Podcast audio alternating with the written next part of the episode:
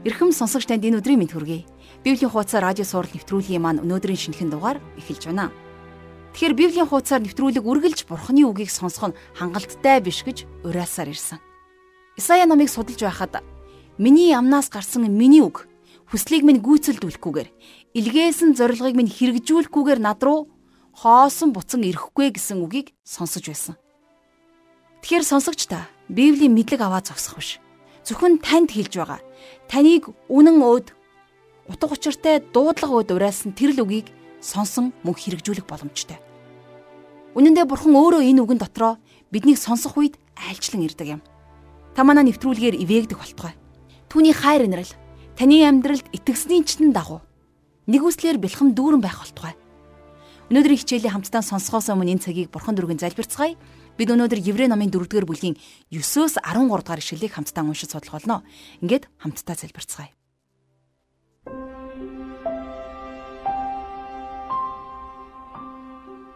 Бурхан аав минь таньда энэ цагийн төлөө талархал магтаалыг өргөн залбирч байна.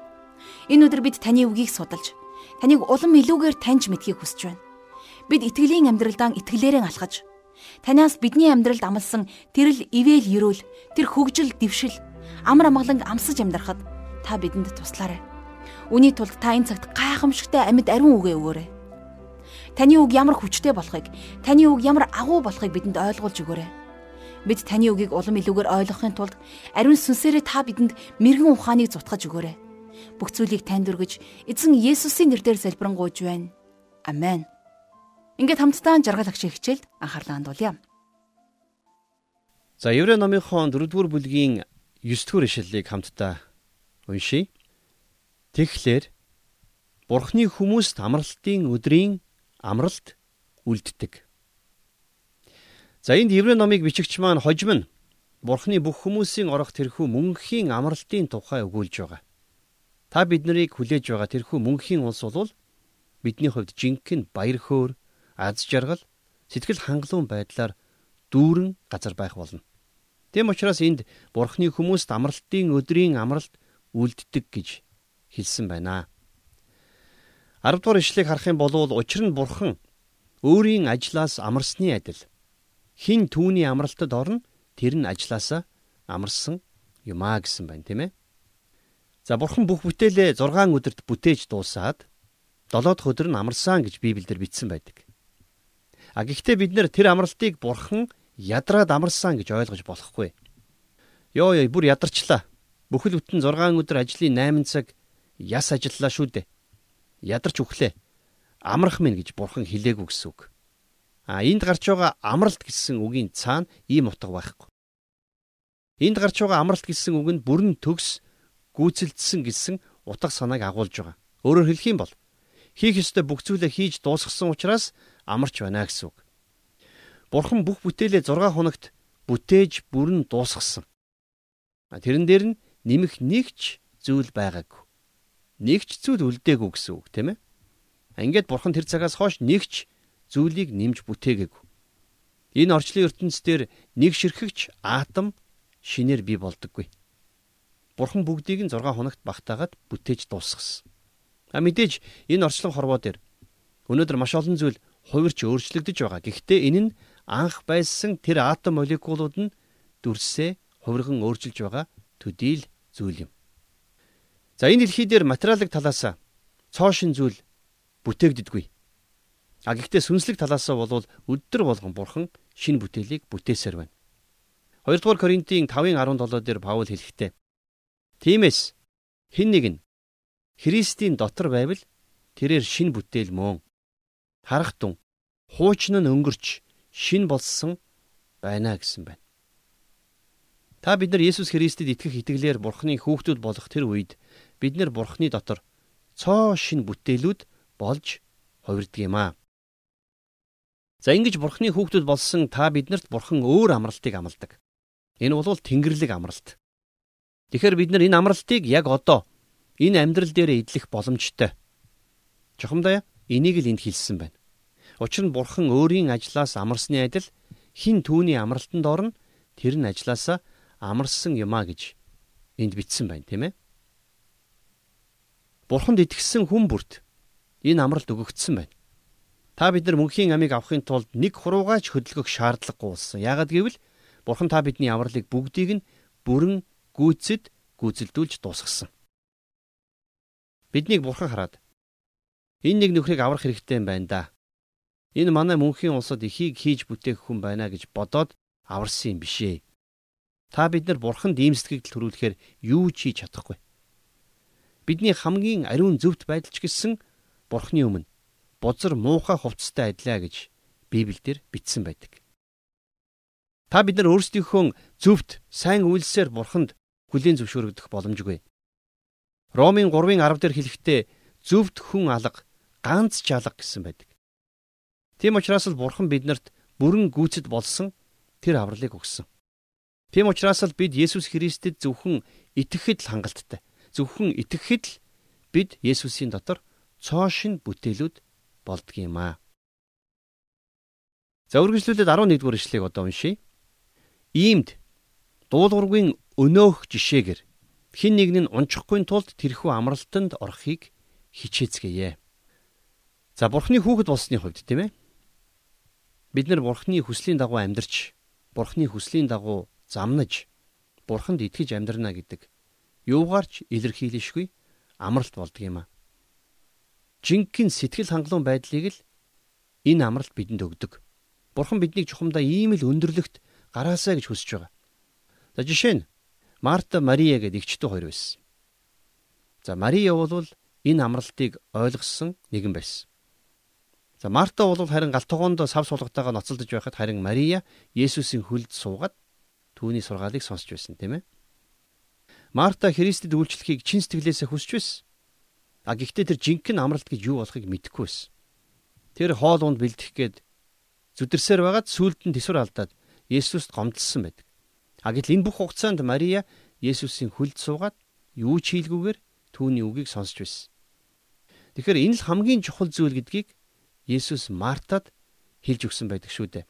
Бид нэр Есүсийн хөлд суугаад сэтгэл амар байж чадах тийм л итгэгчд болох учиртай юм аа. За тэгэхээр энд хэлэхдээ бол тэрхүү амралтанд орохыг хичээцгээе гэсэн байна тийм ээ. Бид нэр тэр амралтанд орохын тулд хичээх ёстой юм уу гэж та лав асуух бах. Тийм ээ. Тэгэлгүй яг бид нар хичээх ёстой. А бид нар авралыг авахын тулд хичээх шаардлагагүй. Бид нар Христэд итгэх итгэлээр энийг аль хэдийн авсан.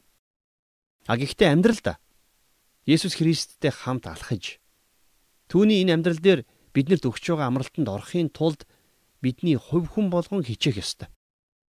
Бид нар залбирлаараа итгэлээрээ сэргэг байх ёстой. Бид нар бурханд үйлчлэх ёстой. Ингээд бид нар хамтдаа эцсээ хүртэл тэрхүү мөнхийн амралтанд орох тэр өдрийг хүртэл хичээж хөдөлмөрлөх ёстой гэсэн үг. Дараагаар нь иймд дуулуургийн өнөөх жишээгээр хин нэг нь унчихгүй тул гэж хэлсэн байгаа биз. Бид нар бурхнаас итгэгч биднэрт өгч байгаа энэхүү амралтыг хүлээж авахгүй байх цорын ганц шалтгаан бол өнөөх итгэлгүй байдал. За би хувьдаа өөрийнхөө итгэлийн амьдралыг эргэж харахтаа би хэрвээ бурханд илүү итгэж чадсан бол миний итгэлийн амьдрал илүү амар байх байжтэй гэж боддог. Би дэндүү олон удаа айж, түгшиж, итгэлгүй хандаж байсан. Харин өнөөдөр бол би зүгээр л хоошоо налж суугаад бурханд итгэхийг хүсэж байна. Бурхан тэр чигээрээ гайхамшиг. Бурхан бол бидний итгэл найдварын эзэн. Тиймээс өдөр болгон Бурханд итгэж амьдрья. Үргэлжлүүлээд надтай 12 дугаар ишлэгийг уншаарай. Учир нь Бурхны үг амьд бөгөөд идэвхтэй. Хоёр талдаа эртээ ямар ч илдээс хурц бөгөөд сэтгэл хийгээд сүнсийг мөч хийгээд нуус чүмгийг салтал нэвтрэн ордог агаад зүрхний бодол хийгээд санаагч шүүх чадвартай юм а гэж энд бичсэн байна. За хамгийн эхлээд учир нь гэсэн үг энд гарч байна. Тэгэхээр Еврей номон дээр гарч байгаа ийм холбоос үг болгон энэ номыг Паул бичсэн байх өндөр магадлалтай гэдгийг надад хэлээд байгаа юм шиг санагддаг. Паул бол үнэхээр маш логиктэй бичдэг хүн байсан. Тэгээ энд харагдаж байгаа нь ганцхан үг ч гэсэн энэ бол маш том үг. Хэдий том хаалга байлаач жижигхэн нугасаар нээгдэж хаагддаг үстэй. А тэгвэл энд гарч байгаа Учир нь гэсэн энэ үг бол яг л тэр нугастай адилхан. Энэ нугас маш том хаалгыг тогтоон барьж байгаа. За бурхны үг гэсэн байна. Зарим судлаачид бурхны үг амьд гэсэн байгаа нь амьд үг болон Есүс Христийн тухай хэлж байна гэж тайлбарладаг. А гэхдээ тийм биш ээ. Бурхны цаасан дээр бичигдсэн үгс ч гэсэн бас амьтай. Энд бурхны үг гэж хэлэхдээ голчлон Библийг буюу цаасан дээр бичигдсэн энэ үгийг хэлж байна гэж ойлгох нь зөв зүйтэй. Энэ Библи өөрөө амьд үг. Христийг бидэнд илчилж өгдөг. Тэр утгаараа Библи бол цаасан дээр бичигдсэн Бурхны үг. А энэ утгаараа ч гэсэн Бурхны үг учраас амьд үг. Бурхны үг амьтай байдаг. За цааш нь харах юм бол Бурхны үгийг идэвхтэй байдаг гэсэн байна. За энэ идэвхтэй гэсэн грек үг бол ирж хүчтэй. За ирж хүчийг өгөгч гэсэн утгыг өөртөө агуулж байдаг. Үнэхээр Бурхны үг зөвхөн амьд байгаа зогсохгүй. Тэр үг өөрөө ирж хүчтэй. А тэгээд ч та бидэнд тэрхүү ирж хүчийг өгч байдаг. За 3 дугаарт нь Бурхны үгийн талаар хэлэхдээ Бурхны үг бол хоёр талдаа эртээ ямар ч элднээс хурц гэсэн байна.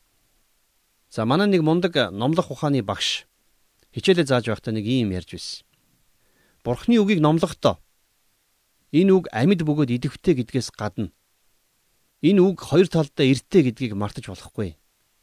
Энэ үгний нэг ир нь чуулганы итгэгчид рүү хандан зүсэж байхад нөгөө ир нь чамайг зүсэх болно.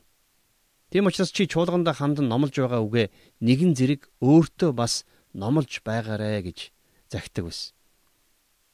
Тэгэхээр номлогч багш пасторуудын хувьд бид нар номлохдоо зөвхөн бусдад номлож байгаа төдий биш. Бид нар бас өөрийнхөө зүрх сэтгэлд номлож байгаа гэдгийг давхар санах хэрэгтэй байх нэ. За дээрэс нь бас нэг ийм үг байдаг. Бурхны үг таныг гим нүглээс холдуулах болно. Эсвэл гим нүгэл таныг бурхны үгнээс холдуулах болно гэж. Өнөөдөр ажаад байхнээ маш олон итгэгчид бурхны үгэнд цаг гаргах тал дээр их хойрог хандаж байна. Олон номлогчид бурхны үгэнд хангалттай цагийг зориулахгүй байна. Номлогч пастор хүн чуулгандаа Библийг заахта ном номоор нь бүтэн заах нь маш их ач холбогдолтой байдаг. За чуулганд нь биш юмаа гэхэд тэр номлогчид өөрт нь маш их ач тустай. Яагад үгвэл бурхны үг бол хурц А хамгийн гол нь хоёр талдаа эртээ гэдгийг бид нар мартаж болохгүй. За сэтгэл хийгээд сүнсийг үе мөч хийгээд нугас чүмгийг салтал нэвтрэн ордгоо гэсэн байна тийм ээ. Олон хүмүүс сэтгэл болон сүнсийг ялгаж салгаж тайлбарлах гэж оролддог. А гэтэл үнэндээ энэ хоёр зүйлийг ялгаж чаддаг зүйл бол ганцхан бурхны үг байгаа. Тэрнээс та бид нар чадахгүй. Библиэлд сүнс сэтгэл хоёрыг нэг зүйл мэтэр бичсэн хэсэгч байгаа. За өөрөөр тусдаа зүйл мэтэр бичсэн хэсэгч байдаг. Та бид нар бол энэ хоёрын талаар таамаглал дэвшүүлэхээс цаашгүй. Харин энийг мэддэг, энийг нөлөөлж чаддаг цорын ганц хүчин зүйл бол Бурхны үг. Дараагаар нь үе мөч хийгээд нугас чүмгийг салтал нэвтрэн ордгоо гэсэн байна. Бурхны үг бидний бие махбодод ч хүчтэйгээр нөлөөлдөг гэдгийг бас бид нар эндээс харж болохоор байна. За 3 дугаарт нь болохоор зүрхний бодол хийгээд санаагч шүүх чадвартай гэсэн байна. За энд хэрэглэгдсэн шүүх гэсэн грек үгийн утга нь шүүмжлэх гэсэн утгатай үг байдаг. Өнөөдөр маш олон хүмүүс бурхны үгийг шүүж шүүмжилдэг. А тэгвэл жинхэнэ шүүмжлэгч чинь өөрөө бурхны үг байхгүй юу? Бурхны үг л биднийг шүүмжилдэг. Энэ үг намайг шүүмжилдэг. Бурхны үгийг шүүмжлэх байр суурьнд суух хэрэгтэй нэг ч хүн байхгүй. Бурхны үг болон Библи нь 1500 жилийн туршид 45 өөр хүнээр бичигдсэн байна. Тэр хүмүүсийн зарим нь бие биений огт мэдэхгүй. Олонх нь өөр хоорондоо ердөөсөө уулзалдаж байгаагүй хүмүүс байсан. А тэгсэн мөртлөө байна. Библиэлд бичигдсэн үгсээс юунч өөр хоорондоо зөрчилддөггүй. Эдгээр үгс бүхэлдээ Бурхны авралыг бидэнд тунхаглаж байдаг. Тэгэхээр би чин үннээсээ хэлье. Бурхны үгийг шүүж шүүмжлэх хэрэгтэй хүн нэгч байхгүй. Шекспирийн зохиолыг судлаад нэгэн мундаг эрдэмтэн өөрийнхөө шүүмжлэлүүдээр илтгэл тавьж байсан. Тэгээ шүүмжээ дуусгасныхаа дараагаар төгсгөлд нь би Шекспирийн зохиолууд дээр чадан ядан хийсэн шүүмжээ та бүхэн танилцууллаа. А гэхдээ үннийг хэлэхэд тэр агуу хүний агуу зохиолуудыг шүүмжлэх хэрэгтэй хүн би бишээ гэж хэлсэн байдаг. Тэр хүн үнэхээр даруй хүн байсан. А гэтэл өнөөдөр хин нэгэн дурын нөхөр амандаа орснороо Библийг шүүмжилж байна. Ийм байж таарахгүй. Бид нар Библийг шүүмжлийгээд шүүмжлэх хэмжээнд Библийг мэдэхгүй. Харин эсэргээрээ энэ ном биднийг хангалттай сайн шүүмжилж чадна. Хүмүүс энэ номыг ойлгож чадахгүй дээ биш харин зүрх нь энэ номыг ойлгохыг хүсэхгүй байгаа учраас Библиэд итгэдэггүй юм аа. Тийм учраас зүрхний бодол хийгээд санаагч шүүх чадвартай гэж энд хэлсэн байна. Бид нар нэг зүйлийг сайн ойлгох ёстой. Библи хизээч хүний үйлдэлийг дангаар нь авч үздэг. Хүний гар өөрөө зүрхнийхээ бодсон зүйлийг л үйлддэг үстэй. Хүн гараараа ямар нэгэн зүйлийг үйлдэхээс өмнө зүрх бодолтой аль хэдийн үйлдсэн байдаг. Тийм ч учраас Бурхны үг бидний зүрхэнд хүрч бидний зүрхтээ ажилдаг.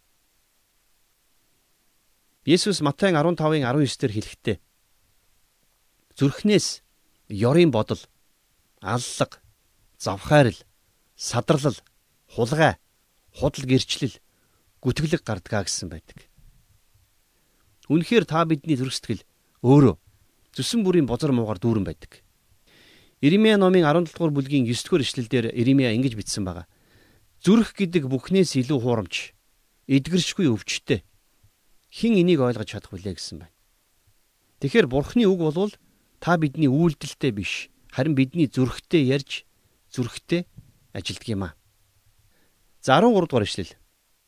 Түүний хараанаас нуугдах нэгч бүтээл үгүй.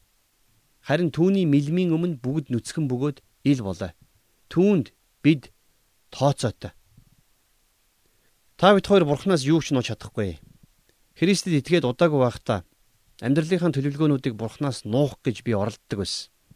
Би бурхнаас өөрийнхөө төлөвлөгөөнд хэрэгтэй байгаа зүйлсийг өөдөг байсан хэрнээ өөрийнхөө дотор байгаа төлөвлөгөөг бурхантай хизээч хуваалцаж ярьдаггүй байсан. Агил үнэндээ бурхан эхнээсээ л миний дотор ямар төлөвлөгөө, ямар хандлага нуугдж байгааг мэддэг байсан. Тэгэхээр бурхан болвол та бидний зүрхний бодол санааг нэвт шувт мэдэж байгаа. Түүний өмнө бидний амьдралын бүх зүйлс илэрхий нээлттэй байдаг. Тэгэхээр таны амьдрал бүхэлдээ бурхны өмнө дэлгээтэй номлог гэсэн үг. Заримдаа хүмүүс би бурханд бүх зүйлээ тоочон гимших хэрэгтэй юу гэж асуудаг л да. Нэгэнт бурхан бүгдийг мэдж байгаа юм чинь бүгдийг тоочход хэцүү нь юу байхавт бид нар бурхны мэдэхгүй нэг ч шин зүйлийг бурханд хэлж чадахгүй гэдгээл ойлгох хэрэгтэй. Ингээд өнөөдрийн хичээл танд ивэл өрөөлийг нэмсэн гэдэгт би эргэлзэхгүй байна. Дараагийн хичээлээр сонирхолтой хичээлээ хамтдаа үргэлжлүүлцгээе. Тэгэхээр өнөөдрийн хичээл үнэхээр сонирхолтой байлаа. Бид өнөөдөр Еврей номын 4-р бүлгийн 9-өөс 13 дугаар ишлэлийг хамтдаа уншиж судалсан. Тэгэхээр яг одоогийн байдлаар Монголд Библийн орчуулга эд дундаа явагдаж байна. Библийг шүүмжлэх, өөрийнх нь хүснээр утга санааг өөрчлөх гэсэн олон оролдлого гарч байгаа. Худалдааны байгууллагуудад хэрэглэгч хаан гэсэн ураатай байдаг. Харин үнэндээ Библийн амийг өгөгч хурц илт мэт үг бидэнд таалагдах албагүй. Өөрөөр хэлбэл тэр Библийн үг үргэлж бал бурам шиг чихэрлэг байх албагүй гэсэн үг. Монголын эртний үгэнд эм хэдий гашуунч биеинд тустай. Үг хэдий хатуунч явдалд тустай гэсэн үг байдаг. Тиймээс эрхэм сонсогч таны амьдралд шинийг бүтээхээр мөнхийн амийг өгөхөөр сонсогдох тэр зарим үг хатуу мөснөөс чулуунаас төмөрнөөс ч хатуу байх тийм үед цөөнгөө ирэх болно. Хүн төрхөөсөө л махан биеийн хүслээ дагдаг, хүслээ гүйцэлдүүлдэг тийм л мах бодтой төрсөн. Тийм л хүсэл санаа бодолтой төрсөн. Харин сүнс бол бурхны хүслийг дагах хүсэлтэй байдаг юм а. Тиймээс төр зургийн махан биеийн хүслийг биш харин мөнхийн хэрэгцээг мэддэг сүнсийг аврах тэрл үгийг даган амьдарцгаая.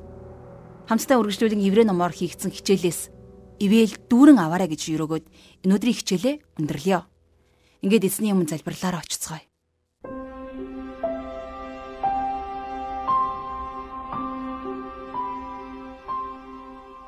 Бурхан аваа. Таньда өнөөдрийн үг ишрэлийн төлөө талархлыг өргөн залбирч байна. Үнэхээр таны мэлмэнээс нуугдж чадах зүйл нэгч байхгүй. Тиймээс бид таны өмнө бүх зүрхээ нээгээд бүх сэтгэлээрээ бид амьдралаа өргөө таны өмнө ирж байна. Танд итгэж найддаг хүмүүс болохыг бид хүсэж байна. Мөнхийн эзэмд бид танаас нэг л зүйлийг гуйж байна. Аваа бид таны баяр баясгалан болохыг хүсэж байна. Бид таны үгээр амьдарч бид таны үгтээ нөхөрлөж бид таны үгийг хэрэгжүүлж амьдрахад та бидэнд туслаач. Та өөрийнхөө үгээр биднийг хүчрхэгжүүлэн тэнхээжүүлээч. Бидний амьдрал таны гэрчлэх гэрчлэлээр үргэлж бэлхэм дүүрэн байхын тулд та биднийг ариун сүнсээрээ удирдаарай. Мөнхийн эзэн минь. Бид эх он жилүүдээ амь амьдралаа оюун бодлоо. Бид таньдаа өргөж эзэн Есүсийн нэрээр залбирanгуйж байна. Амен.